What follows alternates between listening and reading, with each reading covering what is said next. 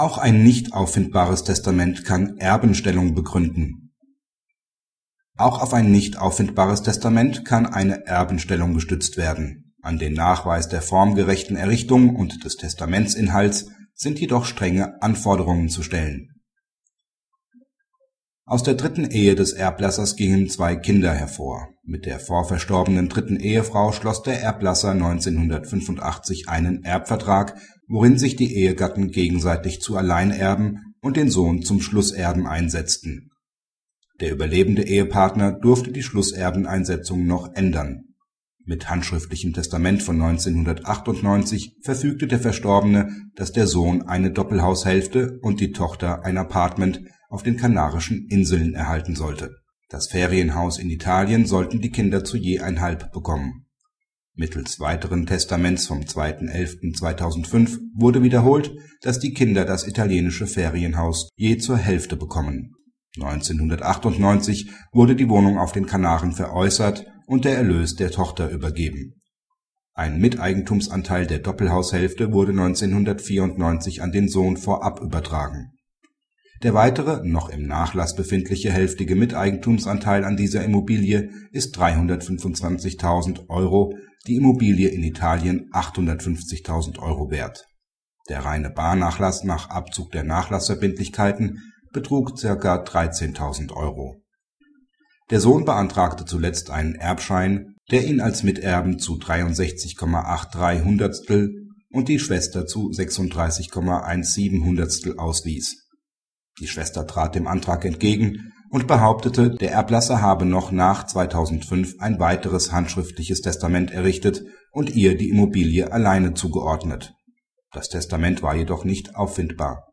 Ein angebotener Zeuge bekundete, dass der Erblasser mit ihm zwar über eine mögliche Testamentsänderung gesprochen habe, das angeblich weitere Testament sah der Zeuge jedoch selbst nicht. Der Antrag der Schwester wurde zurückgewiesen die daraufhin eingelegte Beschwerde weist das OLG München als unbegründet zurück. Unter Zugrundelegung des Werts der zugewandten Immobilie ist der vom Nachlassgericht erteilte Erbschein mit den dortigen Quoten korrekt. Grundsätzlich ist zum Nachweis eines testamentarischen Erbrechts die Urschrift des Testaments vorzulegen.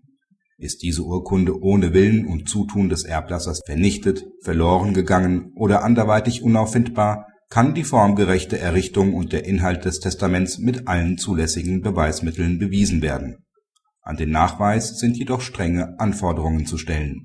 Wegen der Formstrenge, welche gemäß § 2231 fortfolgende BGB die Eigenhändigkeit des Testamentsverfassers voraussetzt und dadurch auch eine erhöhte Sicherheit vor Verfälschungen des Erblasserwillens bietet, sind hohe Beweisanforderungen an die Testamentserrichtung zu stellen der Zeuge, der selbst mittels Augenscheins ein solches Testament mit entsprechendem Inhalt nicht wahrgenommen hat, genügt als Beweismittel insoweit nicht, als dadurch nicht festgestellt werden kann, dass das Testament bei unterstellter Errichtung auch formgerecht abgefasst worden ist.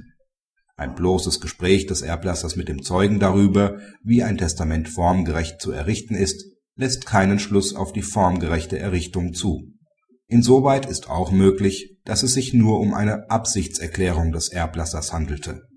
Da die Beschwerdeführerin insoweit beweisfällig bleibt, ist die wertmäßige Verteilung des Nachlasses in den handschriftlichen Testamenten für die Begründung der Miterbenquote der beiden Kinder maßgeblich. Praxishinweis Die Entscheidung des OLG ist sehr zu begrüßen. Die Rechtsprechung stellt wieder einmal zwei Dinge deutlich dar zum einen kann ein Erbrecht auf ein nicht vorhandenes schriftliches Testament gegründet werden, damit dies gelingt, ist andererseits von einem Zeugen als Beweismittel ausdrücklich zu fordern, dass er dieses verlorene Testament selbst in Augenschein genommen hat. Anders kann die formwirksame Errichtung nicht bewiesen werden.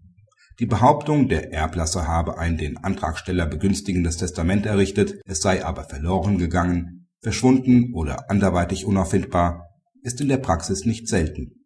Die hohen Beweisanforderungen an die formgültige Testamentserrichtung bedingen jedoch ein hohes Prozessrisiko zu Lasten desjenigen, der sich auf diese Tatsache beruft